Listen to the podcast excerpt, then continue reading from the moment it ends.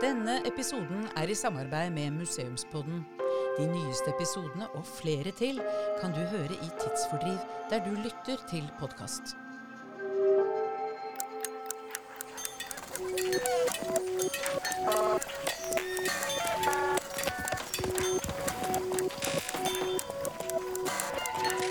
Siden dette er en historisk podkast, så går det an å nevne at altså, nå står vi midt oppi en historisk begivenhet. Historisk begivenhet. Alle mennesker har vel møtt kunst, men de har ikke sett det. Du kan si at vikingen har blitt et globalt fenomen. Altså, Hvor vanskeligere det klarer man så for seg. da. Det var sånn typisk sånn blue sky. Velkommen til Vestfoldmuseenes podkast Tidsfordriv.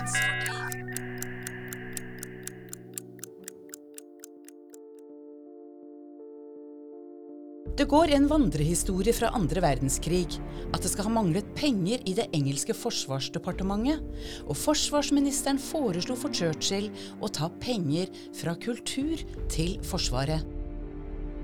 Da skal Churchill ha svart Then what are we fighting for?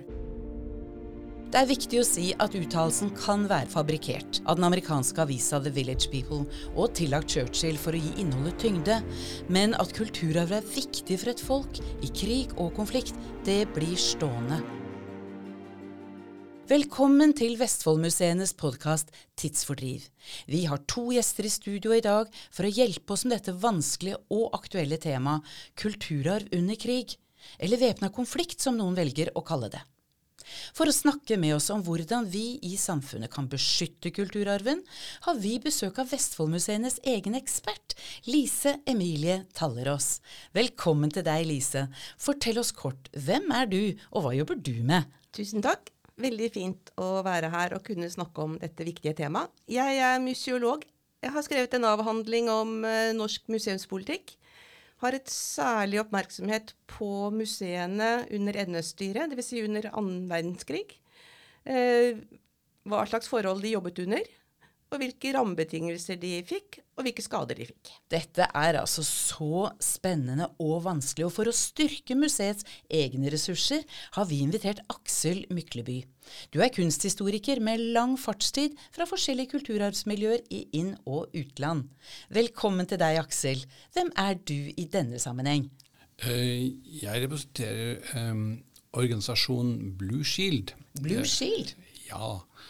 Eh, Det er en organisasjon som har navnet sitt etter et skjold, eller en, en symbol, logo, som eh, er satt opp rundt omkring i verden på mange bygninger. Museer, bibliotek, arkiv og kulturminner. Hvorfor det? Hvorfor det? Det er for å forebygge eh, at ja, Først gjøre oppmerksom på at dette er, er viktige steder, viktige kultursteder. Og for å forebygge ødeleggelser gjennom å gjøre oppmerksom på betydningen av disse stedene. Er det satt opp mange steder, eller? Ja, Noen land har veldig systematisk eh, gjennomført og fører lister over de viktigste kulturarvstedene, og har da markert dette ved å sette opp skilt. Dette blå skiltet, som er, altså blått og hvitt skilt. Blått og hvitt, Fort- kan du fortelle oss litt hvordan det ser ut? Jeg vet ikke om jeg har sett dette skiltet. Det er eh, to eh, trekanter i hvitt fra hver side, og så er det et blå trekant over og en blå firkant under, som er satt sammen til et, eh, et ganske fint symbol som en polsk kulturverner har designet. Han var i Warszawa og, og har sto bak eh, også ja, opprettelsen, eller veldig interessert i arbeidet med å få til denne konvensjonen, eller internasjonale loven for beskyttelse av kulturarv under det heter væpnet konflikt, for det må ikke være en stor internasjonal krig. Det kan godt være en konflikt mellom to land, eller innenfor et land også. Har du sett sånne skilt, Lise? Nei, jeg må medgi at det har jeg ikke sett i, i Norge, men nå skal jeg bli eh, mer oppmerksom på det. Men når jeg ser dette skiltet, så forbinder jeg det også med FNs eh, farger. Og det har vel også en sammenheng med UNESCO, har det ikke det? Ja, det er også denne internasjonale loven er en UNESCO-lov. UNESCO blir jo også opprettet som en internasjonal frihetsbevarende institusjon. Den også, uh, har jo utdanning, eh, kultur, forskning eh, som, som viktig, og menneskerettigheter som, som viktig oppgave. Men, eh, og har da gjennom årene utformet ganske mange forskjellige eh, lover. Og den ene er, heter jo da Haag-konvensjonen fra 1954. Og den er da det dere støtter dere til i arbeidet i Blue Shield, er det sånn å forstå? Ja, Uh, i tillegg til disse øhm, lovene, som er si, litt veldig generelle, så er det også laget protokoller. Det er to protokoller. Det høres litt sånn veldig formelt ut, og det er det jo på en måte også. Ja, det er vel formelt hvis det er noe som mange land skal kunne samles om. Ja, og der, disse protokollene er mye mer detaljerte og sier mer presist, akkurat som man har forordninger til lover i, i Nå ble det vanskelig, Aksel. Nå Ja. er vi inne på jussen her, og du vet at vi skal da snakke om hva er virkningsområdet? Hvorfor har vi disse blue shield-skiltene eller skjoldene hengt opp rundt omkring? Hvorfor, hvorfor er det viktig? Det er eh, i tilfelle det er en katastrofe, eller verste, en, en væpnet konflikt, og det kommer soldater inn i et, et, land, en, en by, eh, så skal de vite at dette har spesiell beskyttelse, dette stedet, eller denne bygningen, og da skal de holde seg unna og være med og beskytte den, faktisk. Nettopp. Sånn at det er en allment, hva skal vi si, verdensomspennende organisasjon. Så man skal øh, så beskytte kultur og kulturminner. Det er det som er målet. Ja. I en av disse litt, kanskje litt kjedelig klingende protokollene så er da fire organisasjoner spesielt nevnt. Og det er en organisasjon for museer, en for kulturminner, og en for bibliotek og en for arkiv. Nettom. Og de fire har da dannet denne organisasjonen i 1996 som heter Blue Shield. Akkurat. Og der er Norge med. Norge har vært med fra starten av, med en utmerket mann fra museet, Norsk Folkmuseum. Akkurat. Ikke meg.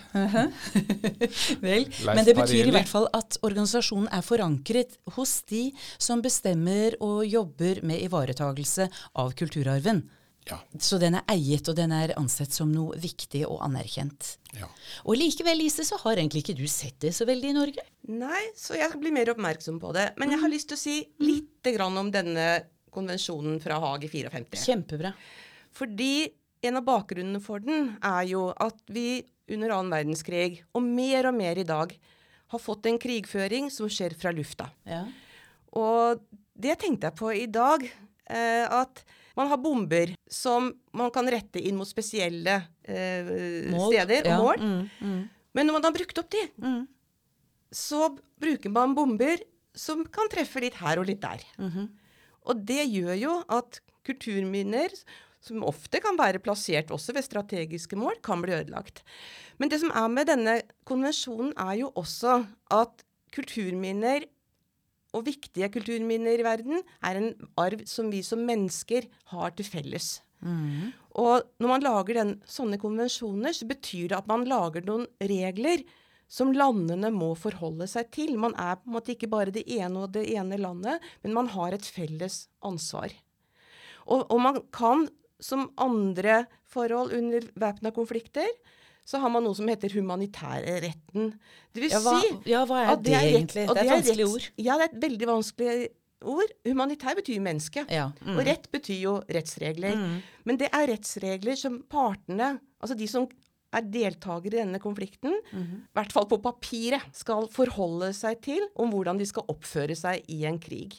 Og disse protokollene som Aksel jo snakket om, den siste, handler jo også om at eh, man kan rettsforfølge at det, det er en forbrytelse at man ødelegger kulturminner under en Nettopp. krig. Fordi kulturminner, som da Aksel var inne på, det er vår felles hukommelse. Dette er vårt felles eie. Det er vår felles eie, og vi har som menneskehet et ansvar for disse. Fordi tar man bort kulturminnene, så tar man bort forståelsen av hva man har vært, og hva man kan bli.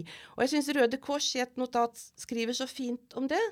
Fordi et angrep på kulturminner er et angrep på identitet, verdigheten vår og framtida for menneskene. Og det var jo akkurat der denne lille quoten som er tillagt Churchill, nettopp er. Hva er det vi da kjemper for, eller om, om ikke vi har kulturen, eller ivaretar kulturen vår. Så Aksel, det er det din organisasjon da har satt seg fore, at man skal ha en dyp forankring og forståelse for at dette må beskyttes. Ja, og beskyttelsen skal jo primært skje i fredstid. Det er da man skal uh, lage lister over de viktigste som, som da uh, også skal være kjent. De skal sendes inn til Unesco, disse listene. Det skal lages kart, og man skal få vise hva det er som vi iallfall i ytterste eh, tilfelle av en, noe sånt som krig, da skal beskytte. Men det kan også gjelde katastrofer. Det må ikke være bare eh, altså den eh, grusomste med krigen. Og, og da trår disse organisasjonene til gjennom sine fire særorganisasjoner og hjelper. altså Enten det er jordskjelv i Haiti, så, så da, stiller da organisasjonen opp.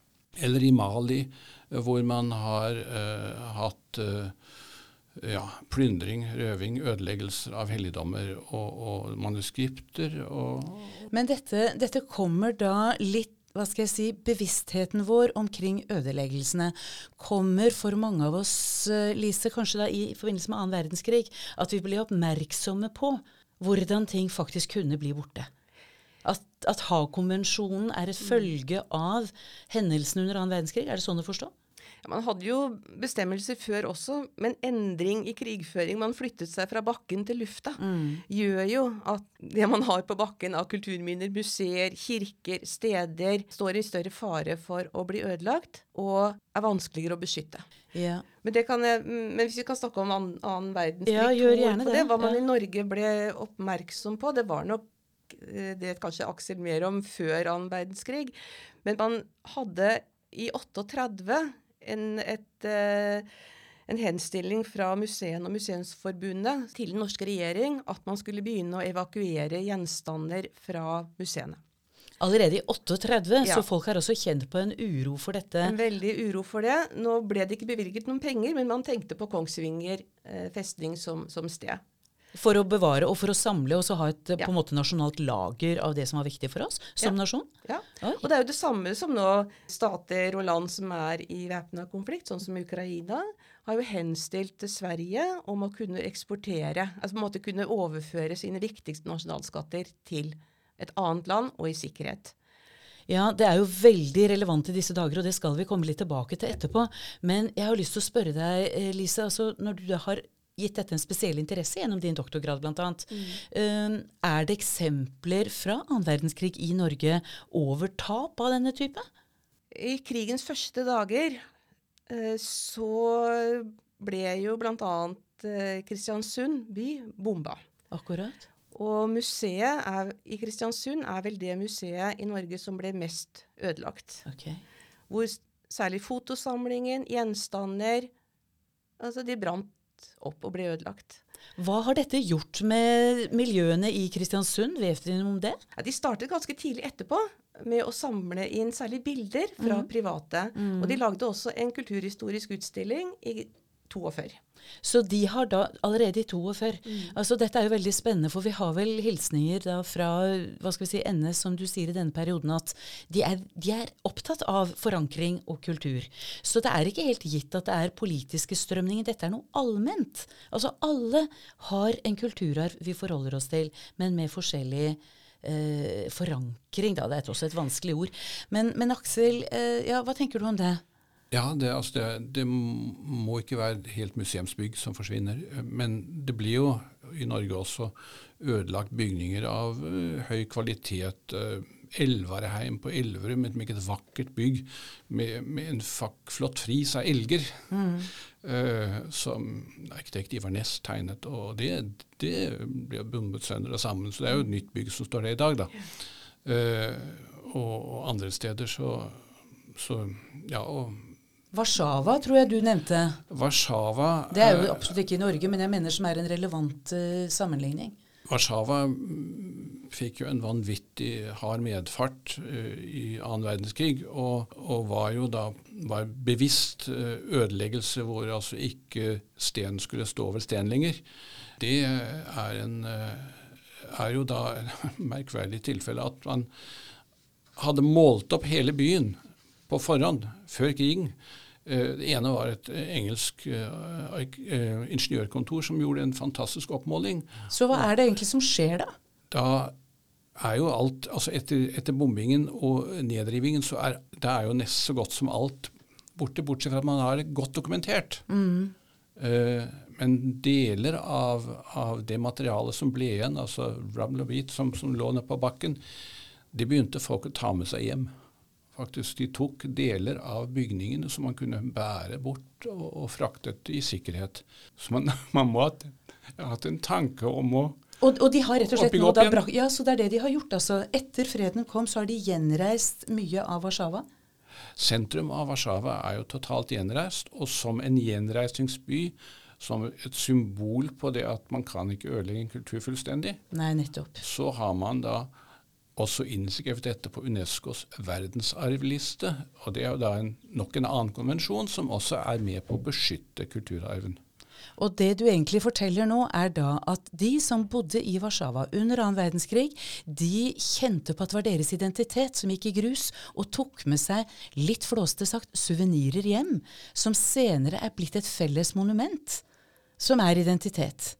Ja, de har tatt med seg deler som da er brakt tilbake når man skulle rekonstruere. For en rekonstruert slott som står i dag, men med en eventyrlig flott samling av maleren Canaletto, som man reddet forut. Mm. Og det må jeg si at Man reddet jo veldig mye ut av bygningene. Også museumssamlinger. Også Tyskland må ha visst at altså tyske fagfolk, myndighetene, må ha visst at her kom det til store ødeleggelser. For Akkurat. veldig mye ble jo reddet ut og bak, brakt i, i, bergverk. Og det er jo interessant at du sier, for det betyr jo nettopp det at alle, som vi var inne på tidligere, uansett hvor vi er plassert i samfunnet, så forholder vi oss til noe som er viktigere enn annet. Og jeg lurer litt på, er det sånn at vi i Norge har et ansvar for kulturarv andre steder, eller skal vi bare holde oss til det norske og, og beskytte våre egne, hva skal vi si, ikke helligdommer, eller er det helligdommer vi snakker om? Hva tenker du om det, Aksel? For noen er det nok helligdommer også, mm -hmm. ja. Men det er altså tenkt på at det er de, ofte de små, kanskje ikke så voldsomt imponerende eh, kulturminner som, som, som, vi savner ofte. Altså det er en det er det som også når det gjelder bygninger, så snakker man ofte om vernacular. Eh, altså det som er si, den enkle byggskikkbygningen mm. som, som, man ikke vil ta hensyn til i den grad. Fordi den har ikke dette blå skiltet engang på seg. Nei, men, men vi, så, så, hvert enkelt menneske har en følelse for dette, og så får du da nasjonale retningslinjer for dette.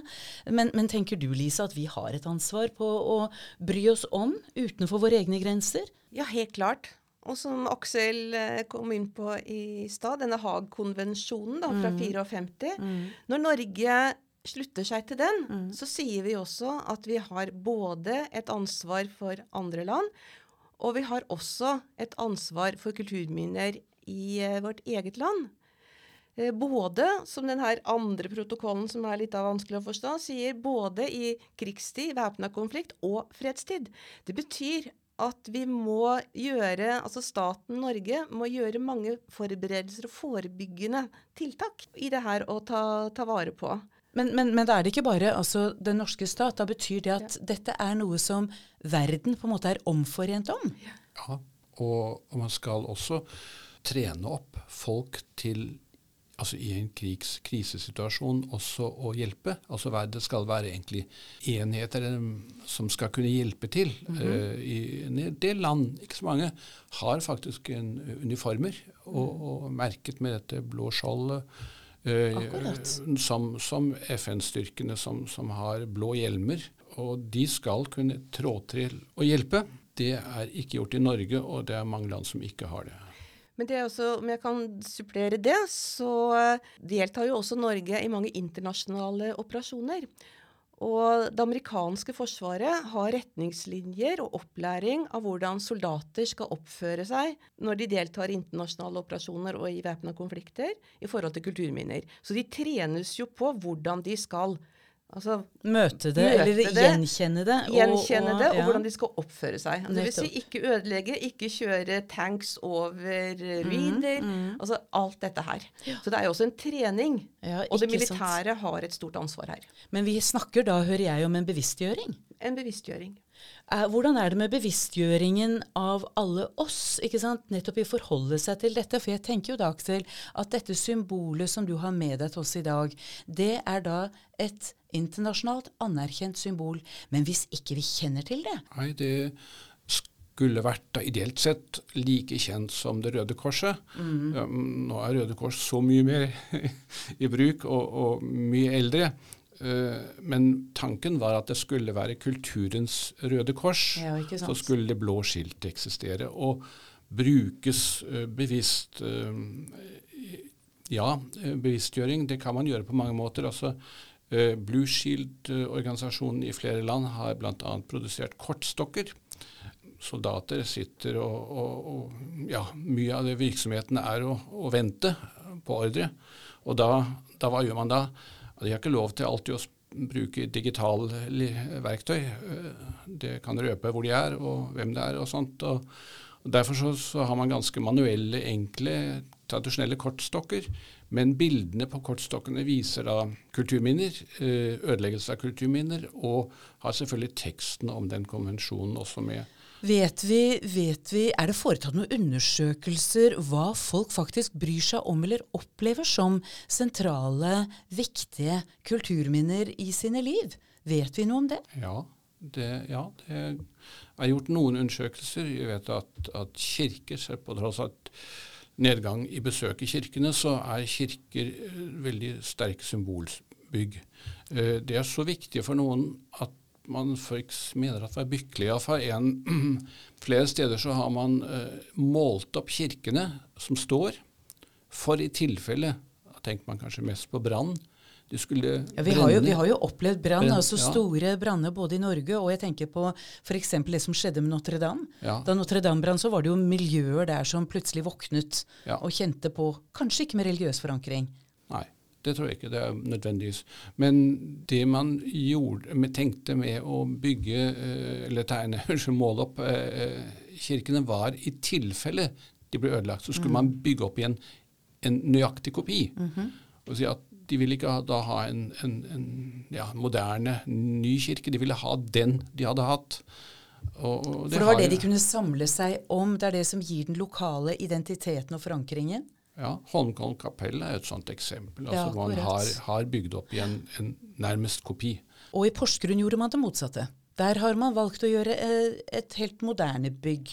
Men, så det er veldig spennende da hva som samler oss som skal vi si, samfunn og nasjoner. Ja, som samfunn så, og nasjoner så, så er det jo ofte de stedene eh, som vi besøker i forbindelse med høytider, og det kan være 17. mai, det kan, ja, eh, da- det tror jeg er ganske viktig. Men den enkelte individuelt, en familie, de vil kanskje ofte savne ved f.eks. en ødeleggelse av, gjennom brann eller en eh, krig, eh, fotoalbum. Og det har vi jo da samlet, som du var inne på tidligere, i museer og arkiver. Så er jo det på mange måter den nasjonale identiteten som er samlet der, kan vi håpe. Hva dere, når vi da drar dette over til dagens hendelser, hva tenker du om krigen i Ukraina, Lise? Altså, det er jo en, en menneskelig katastrofe. Det er nå én ting. Ja, ja, ja. Eh, Men ut fra et Ut fra et kulturminneperspektiv, ja. kulturminneperspektiv eh, så må vi jo håpe det beste. Men i og med at det, det skjer en krigføring fra lufta, så er jo Altså i, eh, i, i Ukraina eh, Du har kirker, monumenter knytta til en tusenårig historie, som jo står i fare for å bli ødelagt. Og det er jo allerede si, fortelles det, altså meldes det, altså museer som blir bomba. Og det handler jo nettopp at, at krigføringa skjer fra lufta. Ja, dette har du vært innom ja. noen ganger nå, ikke sant? Dette nettopp med dette, hva skal vi si, den målrettede ødeleggelsen som uh, man kan få nå i vår tid.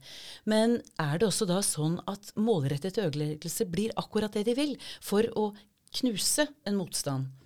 Eller tror vi kanskje at det nettopp gjør det motsatte? At det samler en motstand? Er det det kulturarven er? Ikke sant? At når våre helligdommer eller våre museer blir angrepet, så går vi enten i stykker som identitetsgruppe, eller det styrker oss til motstand. Er det det som er kraften i kulturen? Ja, det tror jeg altså at det er.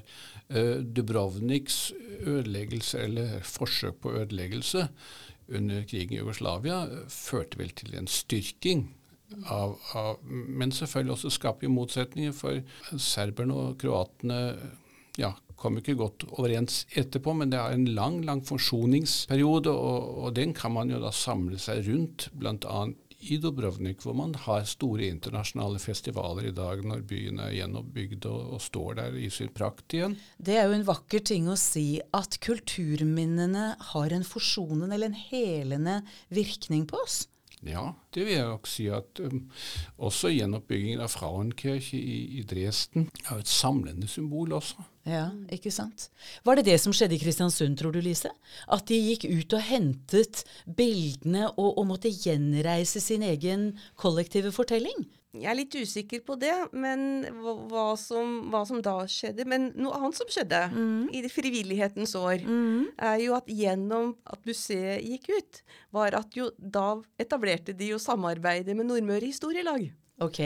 Og det gjør jo at museene på Nordmøre har den alle de stedene og har samarbeidet med historielagene så tett. Så det kan man jo si frivillighetens år. Ja, nei, Det er jo, det er jo en fin referanse, men, for, men, jeg tenker nettopp dette at, at frivilligheten, dugnadsånden Nå blir vi jo veldig norske da og snakker om det her, men det er jo noe av det som bygger oss som samfunn. Vi bygger fellesskap, og så får vi noen symboler som, som vi samler oss om, og så gir det oss en felles identitet.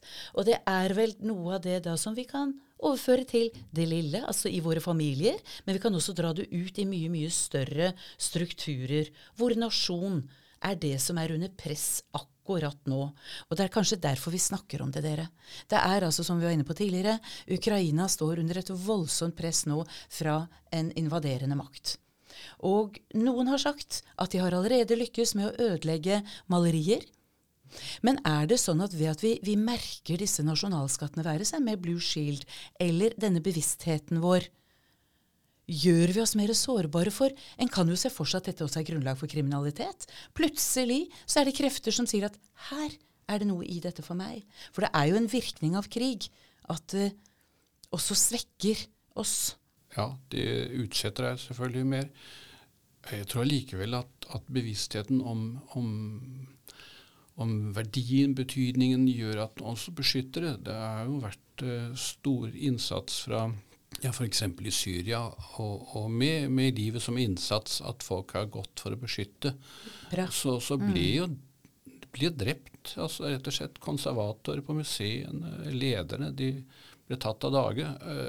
Men men det er jo da en intern konflikt, på en måte. Det er ikke en eks... og sånn, ingen overgriper fra et annet land. Direkt. Men når du sier det, Aksel, dette her er jo veldig spennende. Så folk står altså opp nettopp som menneskelig skjold for å beskytte kulturarven i konflikt? Ja, det gjør de. Og, men vi har ikke eh, si, eh, nok trening, nok eh, sånn som eh, amerikansk mm, forsvaret. De har jo en, en, en veldig systematisk og godt gjennomarbeidet Eh, ja, det var vi inne på tidligere. Ja, nettopp. Så det er jo da vi, vi, er veldig klar over dette nå. Vi har Haag-konvensjonen, som vi har vært inne på. Vi vet at dette er noe av det viktigste for et folk. Dette å samle seg om sine, hva skal vi si, sin felles kulturarv. Og da går vi rett og slett og står der altså som skjold. Men det hjelper mennesker å vite, fordi vi må ha en bevissthet i vår hverdag i fredstid. Er det det du sier, Aksel? Ja, det, det er veldig viktig. Eh, jeg ser nå at mm, ikke mange bilder eh, som viser direkte si, høyverdifulle kulturminner, men som, som er ødelagt i, i, Ukraina. Det har vi enda ikke sett. Men, men det kan skje. Og, og, det er jo en altså Sånn som i Kiev, så, så, så er jo det en by som også er senter for, for religion, altså for den russisk-ortodokse kir kirken. Mm, mm. Det er jo der den har sitt opphav. Uh, Moskva kom til uh, mye senere. Men betyr ikke det at russerne også forholder seg til helligdommene i Kiev? Ja, det, det gjør de nok helt mm. sikkert. Det er bare en, en feiltolkning av historien Nettopp. som, som foregår av, av statslederen i, i Men ja, vi, vi tillater oss å bruke ordet feiltolkning. Det er klart at det er jo det konflikten handler om, at man har forskjellige tolkninger. Og i dette da, var da kulturminner, sånn som klosteret i Kiev og viktige katedraler, og da, Lise, nasjonale museer. Ikke sant? De, de, de står nå under et voldsomt press. Og som du sier, man søker da hjelp, og kanskje for å få ut rett og slett en humanitær eh, Hva heter det? Kanal? Nei, det heter ikke kanal. Hvilke ord kunne vi bruke? En korridor En for å få ut. ja, en korridor. ikke sant, for å få det ut. Ja. Og da burde det i henhold til Haag-konvensjonen være mulig. Og så er man dessverre ofte for seint ute. Ja, ikke sant? Men jeg vil bare nevne en, en annen ting. Meg bekjent så under krigføringa i Afghanistan, så gjorde jo vel museet i Kabul også det vi kaller en genistrek. De sendte altså sin, mange av sine mest verdifulle gjenstander ut på vandring i verden som utstilling. Ikke sant. Og det er jo også en måte å sikre kultur Men, men det her handler jo om å være forberedt. Og det handler om at du har samarbeidspartnere som, som deler din forståelse. Ja. Og det går fra det store til det helt konkrete. For det, vi snakker jo om, eh, om beredskap. Og, og beredskapen, altså det vi måtte For å sikre oss, det er, det er jo noe vi altså Det må vi gjøre i fredstid. Ja, det er Det er da, nettopp det det. er da vi må gjøre det. Når, når væpna konflikt eh, bryter ut, så er det for seint. Hva har vi i Norge som vi må passe på? Hva tenker dere? Vi har jo gjort en, en sier, nok ikke nødvendigvis med, for, med tanke på krig, men jeg har jo et fantastisk nasjonalt arkiv som er godt beskyttet uh, under bakken. Jeg tror at Riksarkivet er vel kanskje noe av det best beskyttede vi har. Men vanlige mennesker forholder seg ikke til arkiv som sådan. Tenker dere at vi har noen symboler som er viktige for oss å beskytte? Som samler oss? Vi har Nidarosdomen. Ja. Og så har vi en utfordring med Forsvaret, og det er jo, men de har jo sin egen verneplan. Det er jo at de har jo militæranlegg på historiske forsvarsanlegg. Så sånn sett så har man jo en utfordring. Ja, der er vi inne på det igjen. Mm. I. I Vestfold så har vi jo også steder.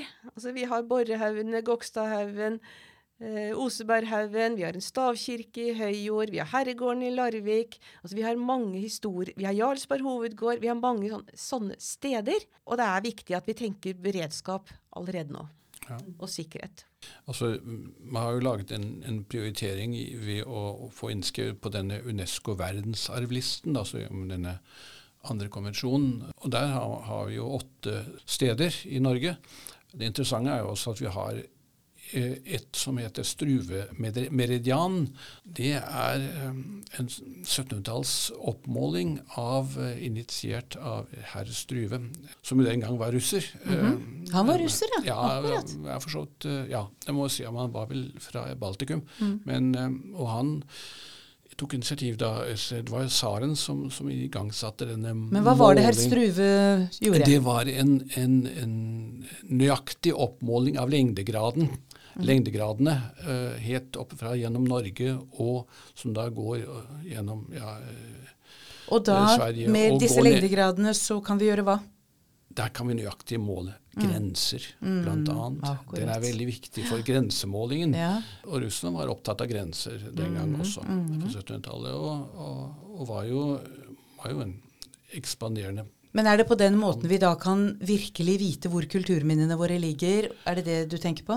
Nei, eh, nå tenkte jeg på i dette tilfellet at, at en struemeridian da er blitt også et, også et verdensarvsted, og den går gjennom Russland. Den har vi felles med ganske mange land. Den går jo går igjennom Og det er ikke så veldig mange av disse Mm. Det er verdensarv, dette her. Det er verdensarv. Det er flere nasjoner som, som deltok i dette her, og veldig fint. Og, og beklageligvis Ja, den blir jo ikke så lett bli kunne ødelagt, da, den, men den har på forskjellige steder i Ukraina to steder hvor den er markert gjennom uh, fysisk uh, små monumenter. Og det kan jo også selvfølgelig være noe av hva konflikter handler om. Denne følelsen av eierskap og nasjonale symboler, og hvem som skal kreve eierskap til historien. For det kan jo være grunnlag som sagt, for, for konfliktene. Men dere, lokalt. Nå har vi snakket om hva har vi i Norge. Vi har Unesco-registrerte steder og områder og miljøer. Men eh, lokalt for dere, da? Hvis du skulle velge noe som var viktig for deg, Aksel, hva ville du ha valgt å bevare i en krisesituasjon? Individuelt som enkeltmenneske for en familie, så er det jo litt forskjellig i forhold til det man tenker for de lokale samfunn. Ja, nei, jeg tenker på deg. På meg? eh, Jeg tror jeg ville faktisk valgt ja, arkiver og, og noen gjenstander altså, som kan vise hvordan det har vært. Ja, ikke sant. Din, din families fortelling Ja. Som du skulle ha med deg videre for å ha en forankring. ja. Og det er det du tenker at vi da har i nasjonalmuseene våre og i nasjonalarkivene våre som nasjon. ja. Ja. Hva tenker du da, Lise? Hva ville du ha bevart? Hva jeg ville ha bevart, er nå én ting, men jeg har så lyst til å fortelle om moren min. Gjør det. Eh, moren min er et av de siste tidsvitnene om eh, senkingen av Blücher og angrepet på Oscarsborg i, fem, i 1940. Hun blir 99 år. Hvorfor, hvorfor var hun der? Moren, faren hennes var eh, nestleder for, eh, på torpedobatteriet. Dvs. Si, han var leder eh, hele høsten 39, hvor de trente fram til krigsutbruddet. Og, hva, og han bodde de på Oscarsborg? De bodde på Oscarsborg i gamlekaserna. Ja. Og gamlekaserna, den ble bombet under det tyske flyangrepet etter senkingen av Blücher da 10. april. Så da de, eh, og de søkte jo tilflukt i torpedobatteriet. Så da de gikk ut derifra den 10. april, så var hele gamlekaserna på eh, Altså hele hjemmet deres? Hele hjemmet og hjemmet for flere, Ja, det var, brent, det var borte. akkurat. Og det finnes jo på YouTube noen filmer av dette, dette, denne bombingen, og det er helt forferdelig. Så det moren min hadde med seg av minner fra hele sin barndom, hun var 16 år, det er tre metallbiter som hun fant i da, i brannruinene etter gamlekaserna.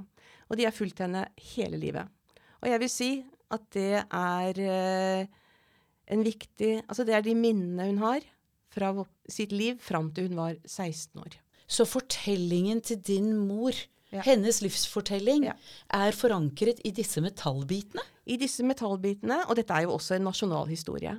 Det er den lille historien inn i den store.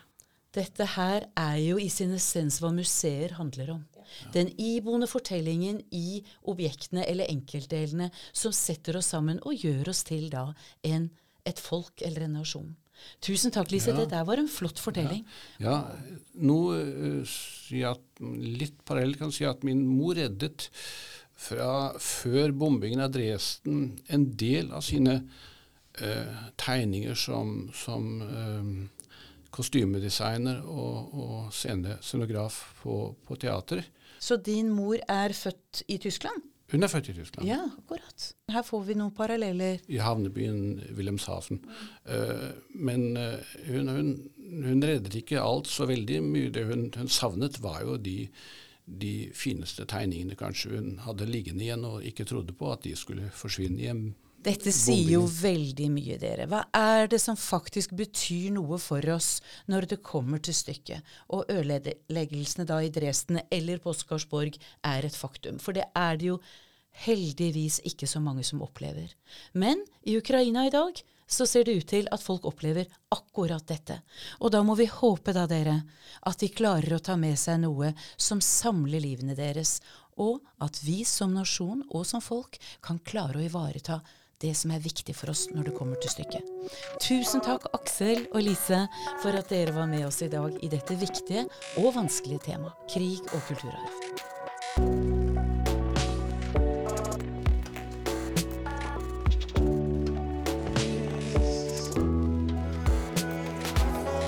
Tidsfordriv er en podkast fra Vestfoldmuseene og er laget av produsent Susann Melleby, lydtekniker Jon Anders Øyrud Bjerva og meg, Ellen Asplin.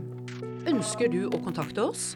Send en e-post til kommunikasjon at vestfoldmuseene.no.